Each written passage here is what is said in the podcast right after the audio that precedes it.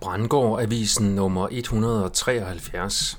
Slanke og coronamedicin med farlige bivirkninger. Mit navn er Per Brandgård, det er den 22. juni 2023. Det er risikabelt for sundheden at have blind tillid til store medicinalvirksomheder og sundhedsmyndighederne. BT skriver, at den populære nye slankemedicin fra Novo Nordisk, kaldet Wegovy, nu skal undersøges for, om det øger risikoen for kræft.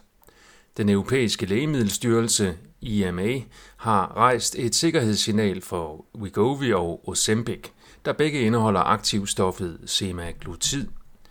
Det sker på baggrund af et studie, der tyder på, at virkningsstoffet i de to præparater kan øge risikoen for skjoldbruskkirtelkræft hos patienter med type 2-diabetes, fortæller BT.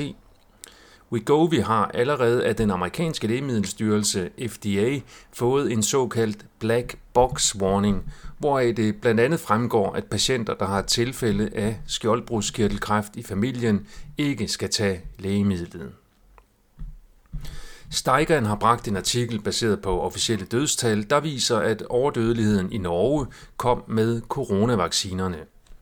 Overdødeligheden i 2020 med det nye coronavirus uden den nye coronavaccine var i Norge på 7,6 per 1000, svarende til 2019, som var året før pandemien. I 2021, det første år med vaccinerne, steg overdødeligheden i Norge til 7,8 per 1000 og i 2022 til 8,4 per 1000.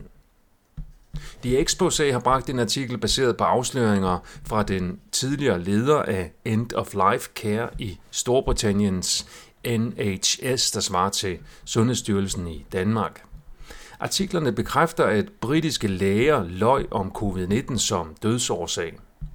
Alle former for død med lungebetændelse blev samlet kategoriseret som covid-19 død. Der blev ikke foretaget differentialdiagnose. diagnose. Andre dødsårsager som alderdom, blodprop i hjertet, nyresvigt etc. blev kategoriseret som covid-19, fortæller whistlebloweren Sej ifølge The Expose på Twitter. Læge Norman Pianiecek, der har arbejdet for CDC i USA, der svarer til Sundhedsstyrelsen i Danmark, har afsløret, hvordan covid-19-pandemien blev gennemført med bedrageriske PCR-tests, modeller med falske forudsigelser, korrupt videnskab og lyvende forskere.